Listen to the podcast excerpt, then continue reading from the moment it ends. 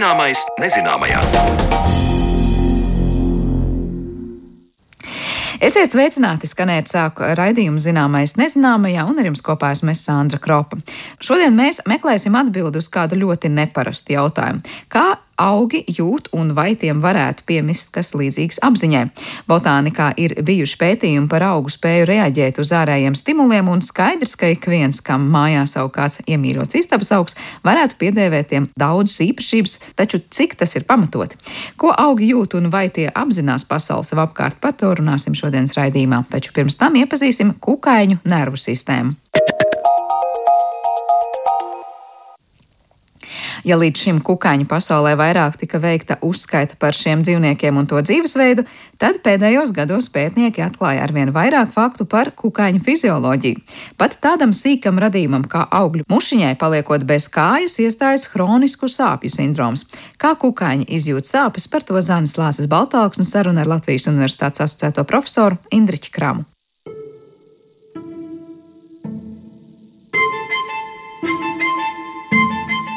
Sāp visiem, pat augi reaģē uz sāpēm.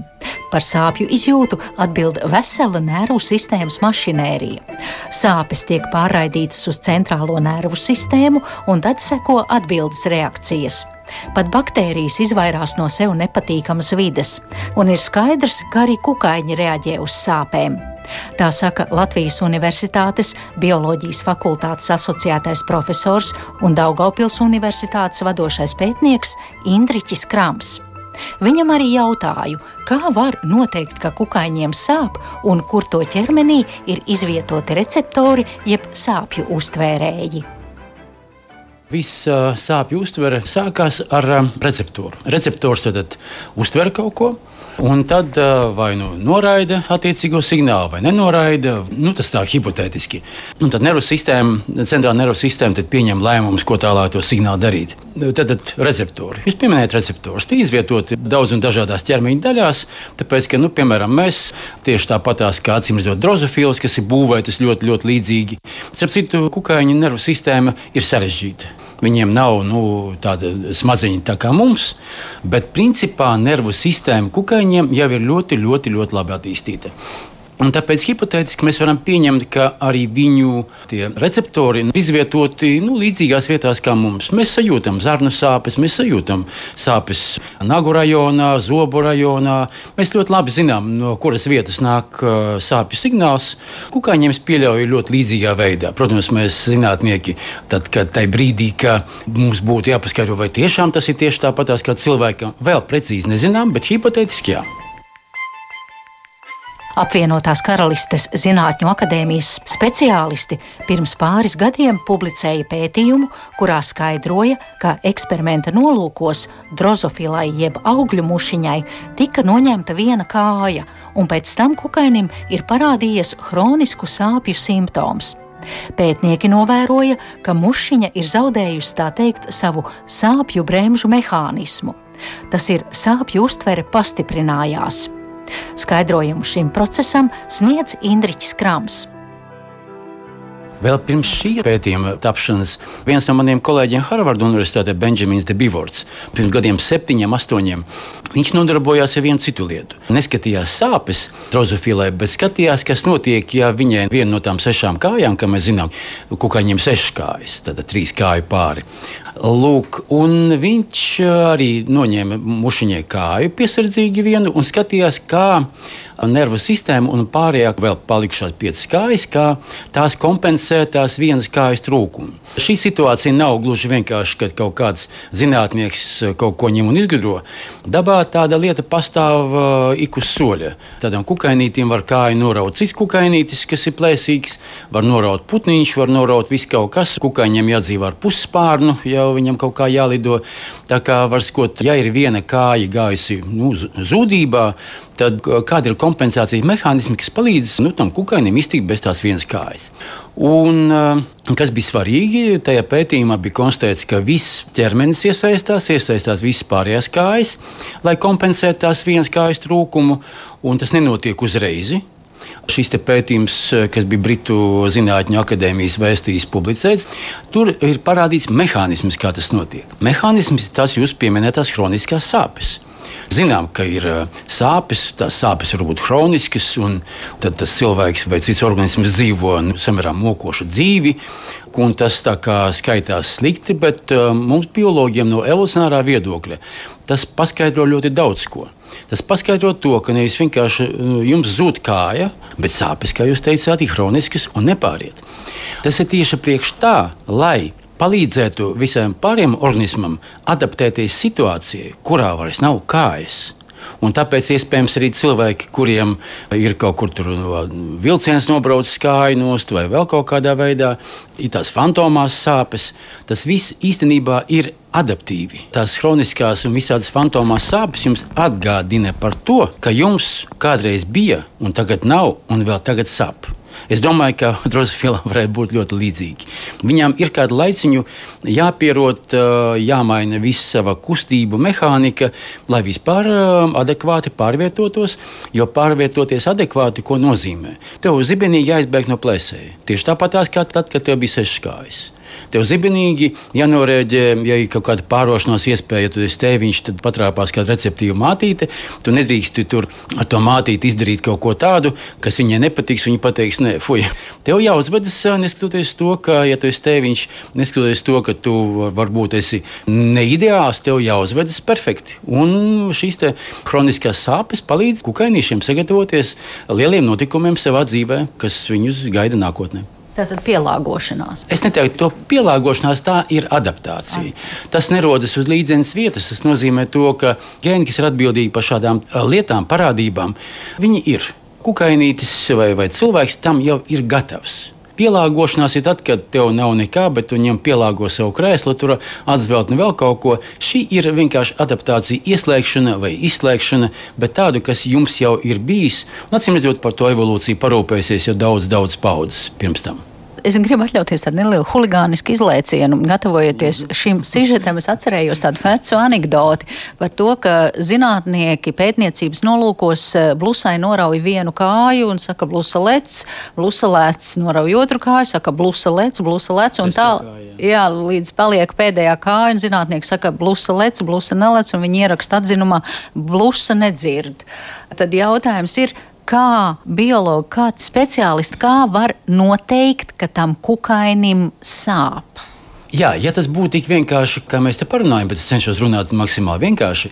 Tas, ko mēs zinām par nervu sistēmu, sevišķi par smadzeņu darbību, šai gadījumā mums ļoti interesē smadzeņu darbība, tāpēc, ka smadzenes analizē un izdara uh, savus secinājumus, pieņem lēmumus, tad ir tā, ka mums ir uh, jāspēj atšķirt nervu signālus kuru uztver receptors. No tā nervu signāla, kas tiek nodots uz jau smadzenēm lai cik tas primitīvs vai sarežģīts nebūtu. Tālāk mums ir jāšķir nervu signāli, atcīmredzot, to ir daudz, kuri notiek uh, jau smadzenēs, un pēc tam mums jāšķir vēl tas viss um, signāli, kas iznāk no uh, smadzenēm, un tad par smadzenēm, par smadzeņu darbību, par nervu signāliem. Praktiski visu, ko mēs zinām šobrīd, ir uzzināts pēc 1991. un 1994. gada. Mēs uh, par nervu sistēmu esam sākuši uzzināt praktiski tikai vakar. Un nu, te ir tas āķis, ka mēs esam iemācījušies atšķirt signālus, mēs spējam viņus uztvert, mēs spējam tos analizēt. Tad, ja mēs spējam to izdarīt, un kāpēc mums tas ir svarīgi? Tāpēc, ka tad, kad sāpju signāls dodas smadzeņu virzienā, tas vēl nav nekāds sāpju signāls pēc būtības. Tā ir kaut kāda ķīmisko nu, reakciju virkne, un uh, par sāpju signālu tā visa lieta pārtop tikai smadzenēs. Un tad, tad jūs pieminējāt chroniskās sāpes. Ir uh, pilnīgi pretējas situācijas, kad sāpes var uh, tikt uh, mazinātas. Piemēram, nu, karavīri var nejust ļoti smagus ievainojumus cīņas laikā. Stresa brīdī mēs nejūtam uh, ļoti daudz lietas.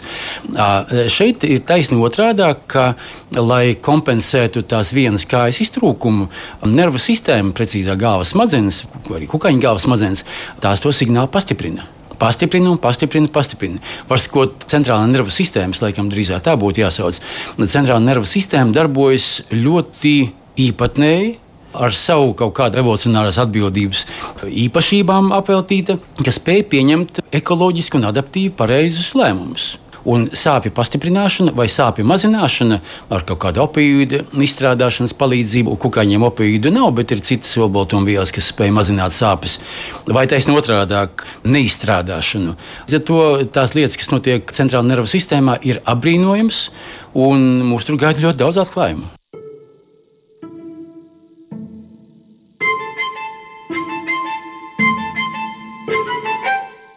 Arī minētajā rakstā britu pētnieki min, ka sāpju noteikšana nav vienkārša. Lai apzināti reģistrētu sāpju sajūtu, ir jāpētī sarežģīta fizioloģiskā sistēma, kas savienojas ar mūsu smadzenēm, un tā skaitā pat emocijas. Šobrīd ir vairāk jautājumu nekā atbilžu, taču ir skaidrs, ka kukaiņi reaģē uz sāpēm līdzīgi kā cilvēki.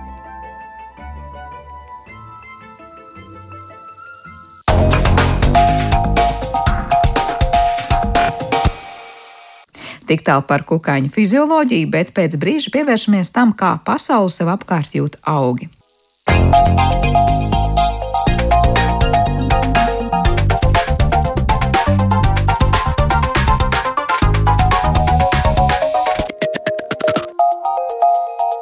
Zināmais nezināmajā.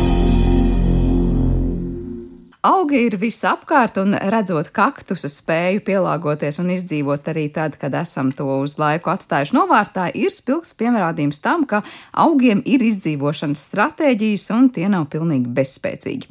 Taču vai augi spēj tā teikt pieņemt lēmumus, vai tiem varētu piemist, kas līdzīgs tam, ko cilvēku pasaulē saprotam, kā apziņa par sevi un apkārtējo vidi, kā tie reaģē uz pasauli sev apkārt, par to visu mēs šodien runāsim raidījuma atlikušajā pusstundā, kad uz sarunu esam aicināti aicinājuši Latvijas Universitātes bioloģijas fakultātes augu fizioloģijas katedras vadītāju profesoru Ģedartieviņu. Labdien! Labdien! Nu, es vienkārši iedomājos par to, kā varbūt daudz arī mūsu klausītāji šobrīd domā, nu, istabas augus kopjot, liekas, ah, kādreiz mēs jūtam augi, saprot, tur, nezinu, pateicu, izmetīšu, sāk saņemties, vai esam mājās, neesam mājās. Kā tad ir augu fiziologam skatoties uz šādiem procesiem un cilvēku, nu, teikto, ir pamats domāt, ka augi sajūt, kas tad notiek tajā mūsu istabā un kā tad mēs pret tiem izturamies. Jā, nu, tas, tas jautājums ir eh, īstenībā ļoti aktuāls jau no, no senām dienām. Jo bija ir, teiksim, tāda romantiskā bioloģija, romantiskās bioloģijas virziens, kad bija tendence augiem pievē, piedēvēt pilnīgi visas tās pašas izjūtas, kas ir cilvēkam. Un šeit es uzreiz gribu teikt, ka ir jāatšķir, vai tās ir sajūtas, vai tās ir izjūtas. Ja, jo mēs pilnīgi kaut ko atšķirīgi ar to saprotam. Un, eh, starp citu, Linnējs, viens no bioloģiskās taksonomijas pamatlicējiem, arī bija aizrāvies ar domu, eh, ka augiem ir emocijas un īpaši tur eh, apspried šo jautājumu saistībā ar augu dzimumu vairošanos. Bet, ja mēs paskatāmies no otras puses, tad ir skaidrs, ka mēs augu eh, teiksim, spēju pielāgoties videi, eh, bieži vien eh, jaucam ar augu spēju apzināti reaģēt uz šīm vidas izmaiņām.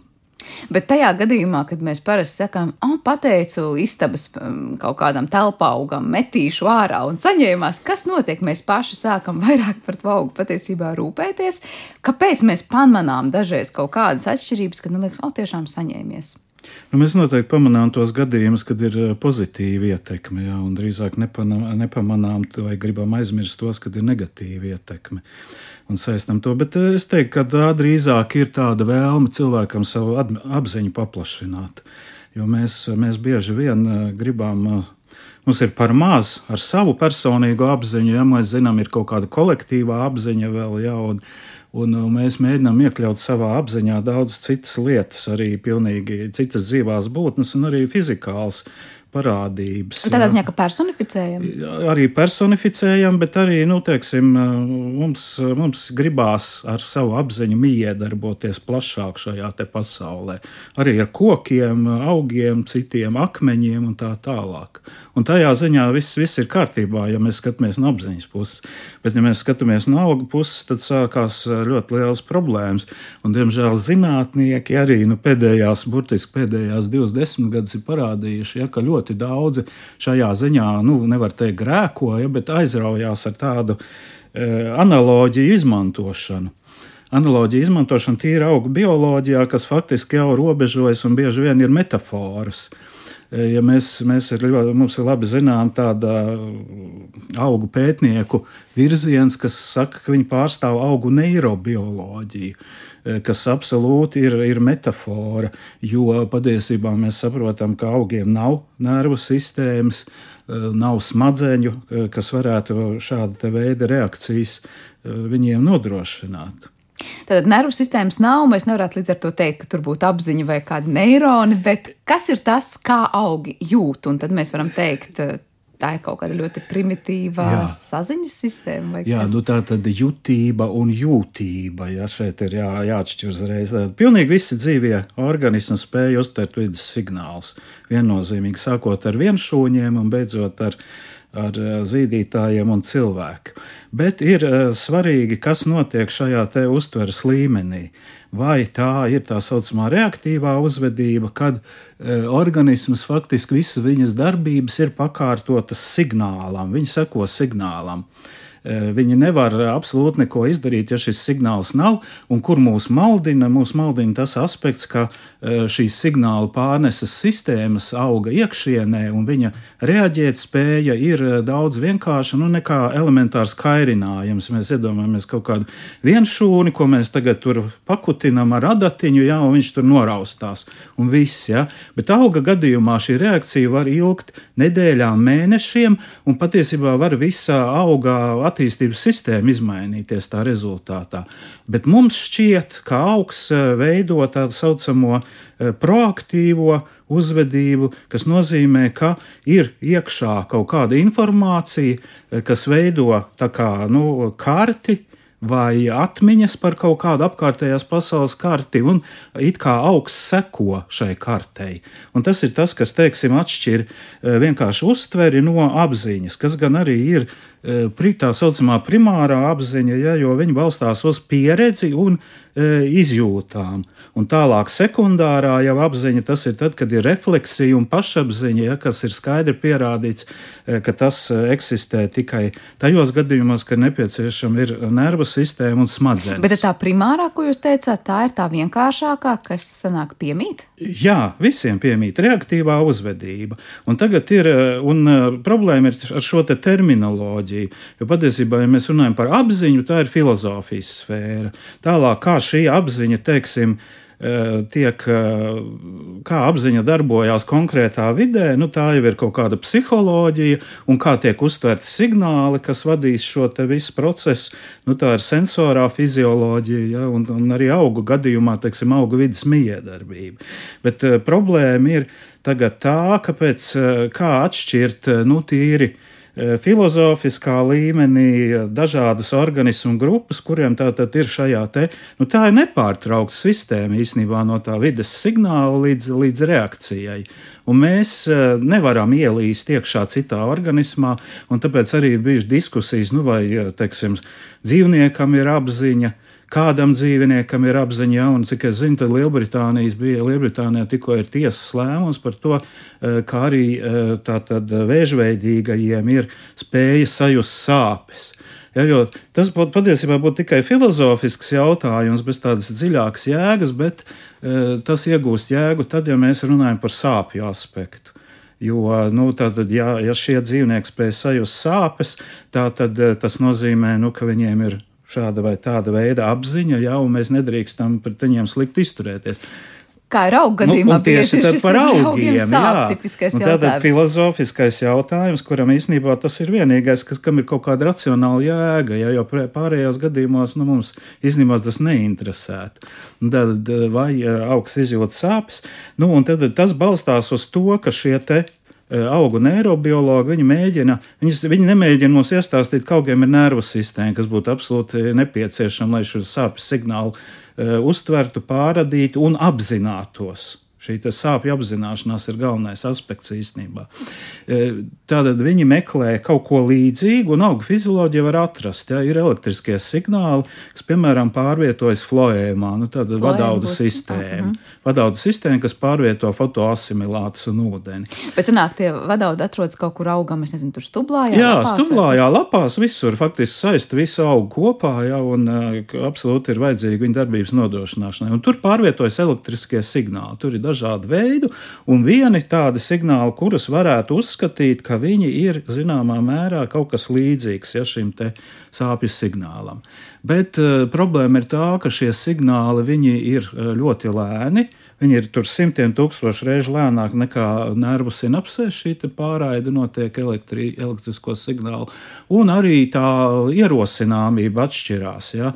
Nu, nevar, nevar ierosināt tur, teiksim, šo pašu sistēmu vēl pēc stundas eh, tikai ja, vai, vai pat ilgāk. Ja?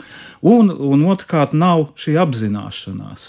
Par to ierosināšanu pēc stundas un ilgāk nesapratu mazliet. Tad, uh, vienā brīdī mēs varam iedomāties, ir kaut kāds krūms vai, es nezinu, Jā. kāds augs, ziedaugs, kuru mēs tagad, nezinu, tur laužam, pļaujam, griežam vai kā mm -hmm. citādi. Mēs varam saprast, sāp vai nesāp tam augam Jā. uh, tas kairinājums, mm -hmm. proti tā griešana vai laušana. Jūs teicāt, ka tajos vadaudos ir tagad tā konkrētā viela, mm -hmm. ja es saprotu, kas, signāls, kas, kas pārraida šo jā. signālu. Tad, tad jā. kaut kas notiek. Mm -hmm. Bet Kas ir ar to stundu vai pēc tam? Nē, ir tas, ka faktiski nervu impulsi, ja es tur neesmu speciālists šajā fizioloģijā, ja, bet nervu impulsi viņus viens un tas pats ne, neirons var nodot regulāri, bieži. Ja lai uzturētu šo nu, teiksim, signālu nepārtrauktību. Augam viņa vienreiz ierosina, ja, nu, viņš tur lēnām aiziet, un pēc tam viss. Proti, jau otrais to augu jā, tur viņš tur stundu nereaģēs. Ja, pēc kaut kāda laika tikai viņš sāks reaģēt. Ja. Un tas ir tāds tā, šis moments. Protams, tur ir vēl daudz, daudz dažādu, dažādu citu aspektu, un viens no interesantākajiem ir, nu, ka neizdodas atrast to sāpju pārraidīšanu, nākamais meklēs, kuriem, kur ir augam smadzenes. Ja. Līdz līdzīga struktūra smadzenēm. Jo galvenais ir kas? Galvenais ir eh, šis te eh, ideja par augu inteliģenci. Bet eh, ko nozīmē inteliģence? Nu, mūsdienās mēs ļoti vienkāršot izturējamies, bet inteliģence mums ir eh, mākslīgā inteligence, ja, un, un tam līdzīgi mēs absolūti nesaistām to ar apziņu. Inteliģence ir kā atsevišķa, jebkura sistēma, kas spēj uzkrāt un kaut kādā veidā sakārtot informāciju. Nu, tad, tad eh, mēs, augu neirobiologi, mēģinam meklēt, kura augam ir struktūra, kas varētu šādā veidā darboties ar informāciju. Un pie tam viņai ir jābūt tādā vietā, nu, kas saņem kaut kādas apkārtējās vidas signālus. Nu, labi, mūsu smadzenes saņem pa nervu palīdzību, ja, bet kā tad ir ar auga un augam, un tad viņi atcerās, ko Čārls Darvins senā pagātnē ir teicis, ka auga sakņu galiņi acīm redzot, pilda līdzīgas funkcijas kā cilvēkam smadzenes. Un tagad viņi pie šitā ir pieķērušies un mēģina to visu laiku apspēlēt, ja, ka tur ir tā, ir tā struktūra. Bet uh, problēma ir tāda, ka, uh, ko nozīmē šis saknes galiņš. Saknes galiņš ir uh, vieta, kur atrodas šūnas uh, saknē vienīgās, kas ir spējīgas dalīties un augt. Tas nozīmē, ka šajā saknes galiņā šūnas iziet, eh, rodās, daloties, iziet kaut kādu attīstības ciklu, eh, pagarinās un tālāk viņas tā kā attālinās no šī saknes galiņa un jaunas šūdas rodas vietā. Un faktiski apmēram 4 līdz 6 stundu laikā visa šūnu populācija nomainās šajā saknes galiņā. Tas nozīmē, ka nekādā veidā viņi nevar darboties kā informācijas uzkrājēji struktūra. Viņi, protams, ir sensorā struktūra. Saknes galiņa sajūt gan ūdeni, minerālvielas un tā tālāk, bet nekādā gadījumā nevar pildīt šo smadzeņu funkciju. Jā, līdz ar to arī mēs par intelektu parasti runājam par šo lēmumu pieņemšanas aspektu. Nu, augiem lēmumu pieņemšana laikam izpaliek. Ja? Kā, vai tur arī vēl ir diskusijas un mēģinājumi domāt jā, par šo jautājumu? Jā, nu, es esmu uzrakstījis sev uz špikeru pirmo, ka lielā mērā tā ir terminoloģijas problēma. Un arī, ja mēs paskatāmies filozofijā, jā, gan apziņā ir entās definīcijas, tāpat uh, intelektam ir entās definīcijas, kur ir tā, teiksim, nu, kādā līmenī mēs, mēs skatāmies uz to. Bet, proti, tad, kad mēs sakām, tas augsts tur negrib augt, nesaprotam, kāpēc. Mums liekas, mēs pat pasakām, negrib augt. Tā it kā tas būtu pieņēmis lēmumu, tur neaugt. Bet tad sanāk, to mēs varam skaidrot tikai ar to, ka mēs pat varbūt nezinām, kas tur notiek zem zemes, kas tur notiek ar minerālu vielām, vai es nezinu, saules par daudz, par maz vai kā citādi. Nu, jo citreiz ir tā nesaprotamā sajūta, nu kāpēc jā, šoreiz aug un citreiz nu, neaug. Neizprot, mēs to vienkārši nezinām. Jā, tā ir mūsu nezināšanas problēma. Ja nevis piedēvēt kaut kādas augstākas, augstāku sistēmu darbību. Ja? Jo faktiski pilnīgi visu tas, kas auga šajā pielāgošanās spējā, kas īstenībā balstās uz milzīgu fenotipisko plastiskumu. Ja, kā augs var vienos apstākļos būt tāds, izskatīties citos pilnīgi citāds. Tas pats indivīds. Un to, protams, panāk ar augšanas izmaiņām. Vai arī kustības, ja, kad pietiek ar vienu eh, stimulu pieskārienu veidā, un pēc tam augs aug vis, visinteresantākajā un dīvainākajā veidā. Ja. Bet to visu var izskaidrot ar konkrētiem šiem te, eh, nu, ģenētisko pamatu un tālāk ķīmiskā ķīmiskās hormonālās miedarbības, jā, ar kuru palīdzību augsts reaģē uz to visu. Par to kustību runājot, tas ir domāts, ka tas, es nezinu, dabā kaut kas, es nezinu, vējš, kāds kukains vai kaut kas cits rada šo kustību. Vai, piemēram, nu, dažreiz cilvēks saka, ka telpa augsts tur, nu, viena lieta ir no putekļiem noslaucīt, kas nāk par labu lapām, bet cita varbūt lieta, ka rada to sajūtu, ka augam ir vajadzīgs tas pieskāriens. Pamatots, nepamatots apgalvojums. Kustības īstenībā auga dzīvē ir ļoti, ļoti nopietna lieta, ja, jo augs nespēja faktiski savu organismu pārvietot citā vietā. Ja, viņš var savu organismu daļas pārvietot ar augšanu. Un tāpēc īpaši svarīgi tas būs augiem, kuriem ir spējīgi izaudzēt nu, lielos attālumos jaunas auga daļas. Tie ir klonālie augi, ja, kas principā var pārvietoties milzīgos attālumos, ja pat uh, vairākus desmitus metru. Tās ir liānas dažādas, ja, kurām ir raksturīgas noteikti veida augšanas kustības. Ja, un tad šeit pieskāriens ir, ir galvenais faktiski šis signāls no apkārtējās vidas, jo, lai augs varētu nu, norentēties telpā un attiecīgi ieņemt tādu stāvokli, kāda ir nepieciešams viņam. Par tām auga maņām runājot, nu, tad mēs skaidri runājam, augs uztver kādus signālus, uzņem kādas vielas. Protams, augiem nav ne acu, ne ausu tādā izpratnē, kā mēs to saprotam, un smadzeņu kādā mums tas būtu nepieciešams. Tad, sanāk, kas ir šie augu maņu orgāni? Tie būs tie saknes galiņi, ko jūs pieminējāt. Nu, Vai... Saknes galiņš tas saknes gadījumā, citur būs citas vietas. Jā, tās ir, teiksim, augu meristēmi, šos te šo dalošos šūnu grupas e, pašā dzinuma augšgalā, piemēram. Jā, tās ir lapas, visbiežāk e, augiem dažādas lapu daļas, jaunās lapas, vecās lapas, ja, kas uztver, kur ir attiecīgi sensori, e, kas uztver gaismas izmaiņas, uztver temperatūras izmaiņas, mitruma izmaiņas, ķīmisko vielu klātbūtni. Nu, faktiski tieši tāpat kā, kā visiem citiem uh, organismiem, ja, kas vidē ir spējīgi sajust, sajust vidi un attiecīgi kaut ko mainīt savā Bet šie sensori tās būs kādas specifiskas šūnas vai jebkuras? Tas ir, tas ir šūnu grupas, bet drīzāk tie ir, mēs runājam par uh, šūnu receptoriem dažādiem, ja, kur ir uh, sistēmas, vai nu, ja tas ir ķīmisks savienojums, kas pieskai, pie, piesaistās šiem receptoriem, kas parasti ir membrānās integrēti, atnāk kaut kāds signāls, un arī viss tālāk šī signāla pārraide uz citām šūnām notiek ar tieši tādu pašu mehānismu palīdzību. Nu, ir kaut kur primārie receptori un tālāk, atkal visās šūnās ir šie receptori, kas saņem kaut kādu ziņu par to, ka ir notikušas kaut kādas izmaiņas, un tas izraisa atkal bioķīmiskas izmaiņas šūnas citoplazmā un tālāk jau kodolā, gēna ekspresijā un vispār vispārējais, ja, kas tur ir nepieciešams. Nekam par to mēs esam arī runājuši, tad, kad mēs esam apsprieduši to tēmu, kā augi sazinās savā starpā, un proti, ja vienā telpā ir kāds augs, kuru tur ir, nezinu, kāda slimība vai kaitēkļa apsēduši, tad kaut kādā brīdī otrs augs sāk reaģēt uz to, ka, nu, ir sevi jāsargā kaut kādā mērā. Te arī ir kaut kādi tie savienojumi, kas izplatās gaisā un ko uztver augs tādā veidā, ka, man ir jāsāk, nezinu, savu imunitāti stiprināt, ja tā var teikt. Kā augi šajā ziņā varbūt varat atkārtot? Atkārtot vai, vai, vai jā, atgādināt, jā, jā. kā tad viņi tajā brīdī viens otru pasargā. Nu, proti, ir kāds ar kaitēkļiem vai slimībām. Tā, tā šajā līmenī, teiksim, gaisa, gaisa telpā ir mazāk šīs iespējas, ja, jo ir arī tāds joks, ja, ka nu, zinātnieki atklāja, ka augi izdala ķīmiskas savienojumus, ja, un saka, augi runā. bet uzreiz citi saka, augi runā, bet viņi ir kurli. Jo tiešām ir ļoti maz, maz šādu procesu, ja, kur, kur augi var izmainīt kaut ko, ja viņi saņem šos ķīmiskos signālus gaisa vidē. Citādāk ir ar sakņu vidi jo sakņu vidē šie receptori darbojās efektīvāk, ja šie signāli, ko, teiksim, viens augs izdala eh, kaut kādus savienojumus, nu, tie var būt pat vienkārši ūdeņraža paskābina vidi, kas gan vairāk ir vērsts uz mikroorganismu piesaistīšanu, bet arī caur sakņu izdalījumiem arī citi augi var noreaģēt. Un tā, tā sistēma nu, tiešām reāli strādā, bet drīzāk tie ir eh, citi organismi, ar kuriem augi sarunājas, ja šos ķīmiskos signālus iz, izdalot. Tie ir gaisā tie teiksim, aizsargs savienojumi izdalās, lai piesaistītu, piemēram, augādā ienaidniekus, ja, kad augādāja augam ir uzbrukuši Eh, parazītiskās lapsenes, kas sadēja olas šajos te augādāju kāpuros, piemēram.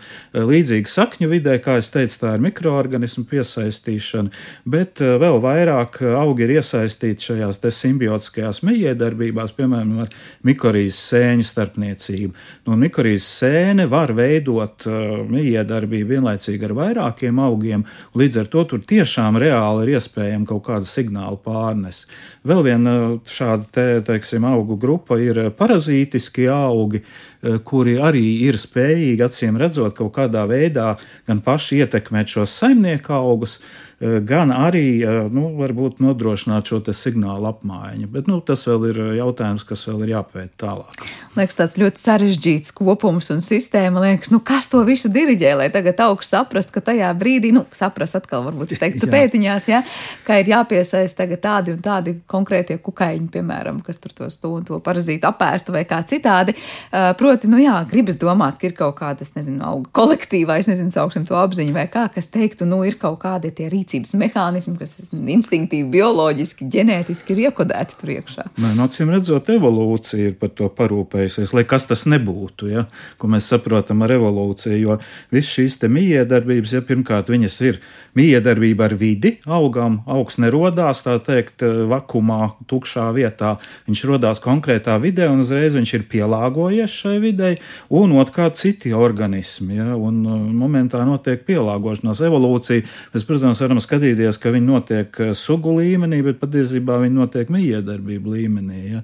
Īpaši tie, kur ir tādi pārīši izveidojušies organismiem, kas viens bez otra nevar dzīvot, kā aputeksnētāji kukaiņi un augi, piemēram. Ja? Nu, tas, eh, bet, bet tas šausmīgi palielina šo eksperimentālu sistēmu sarežģītību. Un mums ir ļoti grūti eksperimentāli šādas lietas pierādīt.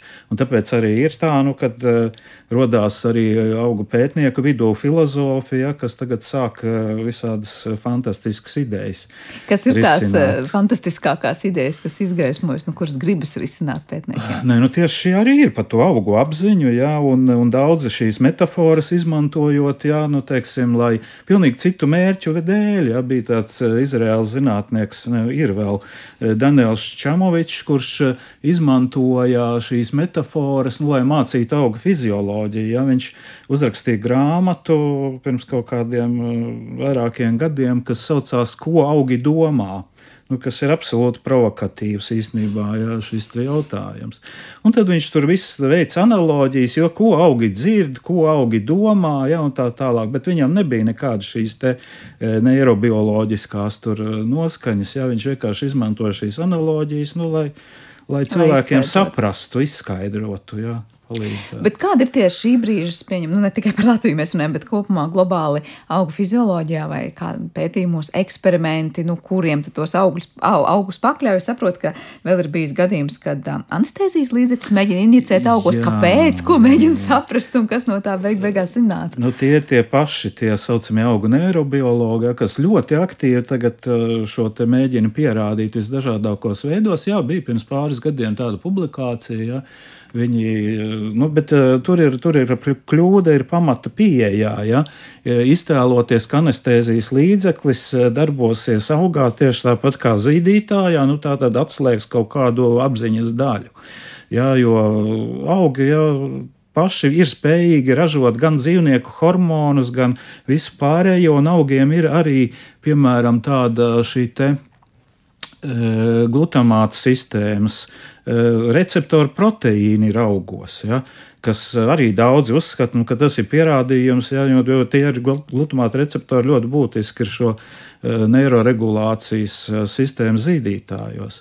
Un tad, bet tas absolūti neko nenozīmē. Ja? Tas nozīmē tikai šo evolūcijas paralēlos ceļus, ja? ka ir kaut kādi ķīmiski savienojumi, ir viņu receptori, uztveres sistēmas, kuras tālāk dažādos organismos iegūst dažādas funkcijas. Un, eh, jo es, es arī nevaru teiksim, izskaidrot, kāpēc augsts sintēzē teiksim, eh, dzīvnieku dzimumu hormonus. Ja? Nu, tur nav nekādas jēgas, jo viņi it kā nepilda nekādas funkcijas augā.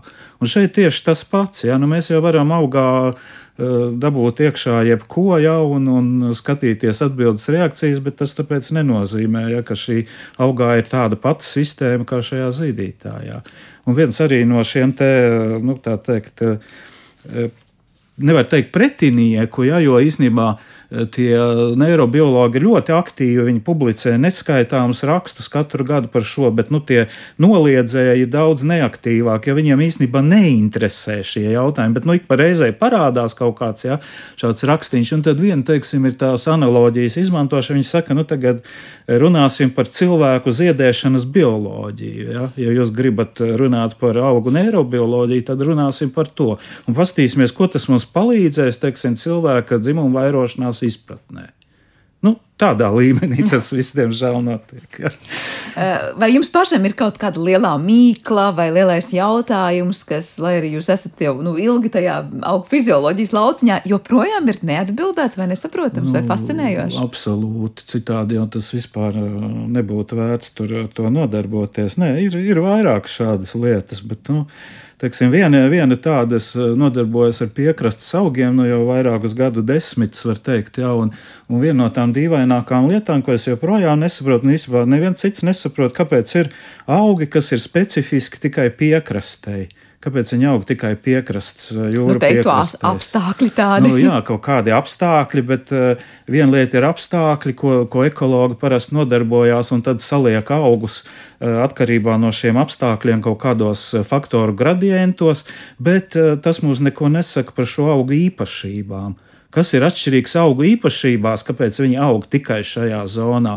Un tiešām ir tādas augu sugas, ja, ir graudzāles vairākas, ja tur kāpu miezas un kāpu kviesis, kas principā aug tikai jūras piekrastē, bet viņiem, nu, parasti iedomājas, tas ir sāļums, ja, kas saistīts jūras ūdeni, bet viņiem nav nekāda vajadzība. Bet ir mēģinājumi nodrošināt precīzi tādu pašu augsni, tieši tādu pašu sāļumu, gaisu, vēja, nezinu, režīmu, vēl kaut ko nezinu, vai kaut kur aplūst, neaplūst šī konkrētā dzīvotne, tur, kur jau šie augi ir sastopami. Proti, ir iespēja simulēt precīzi to pašu, kas ir bijis pie jūras, un tad teikt, strādā, nestrādā. Nu, visi augi, faktiski, ko mēs mēģinām audzēt, vai tie ir kultūra augi, vai tie ir, teiksim, šie te savvaļas augi, mēs viņus mēģinām audzēt kontrolētos apstākļos. Ja?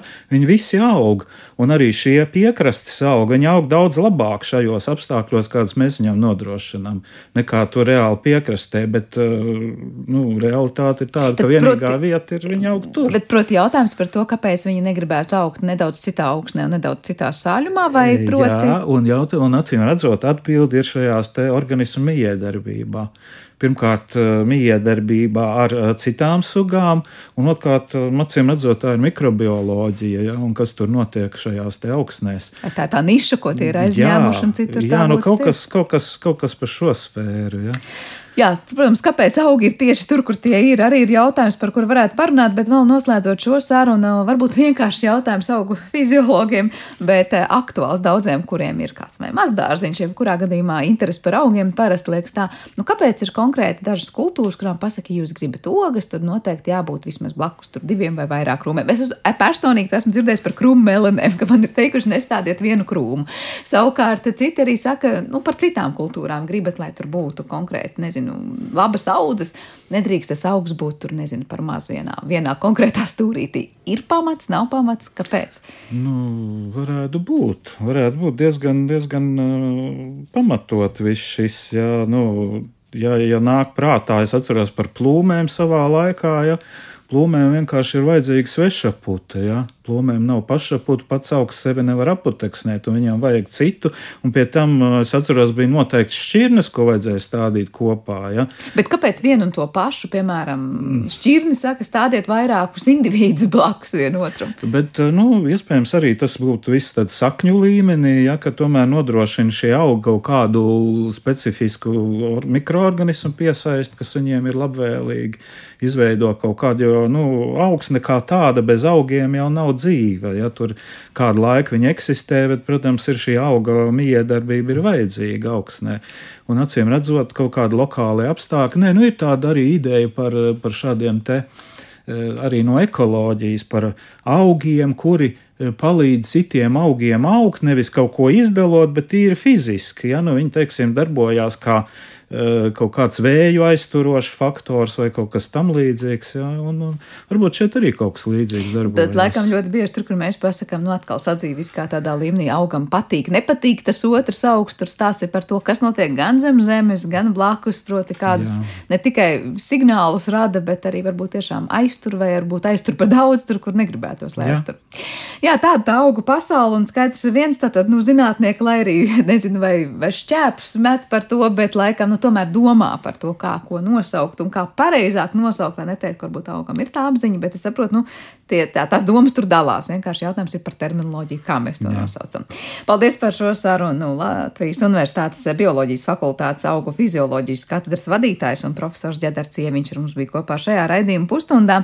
Ar to arī šis raidījums ir izskanējis un to, kā parasti producēja Paula Gulbinska, mūzikas redaktors šai stundai ir Girds Bišs, skaņu režijā ir Kristīna Dela un ar jums kopā studijā bija Sandra Kropa. Uz tikšanos!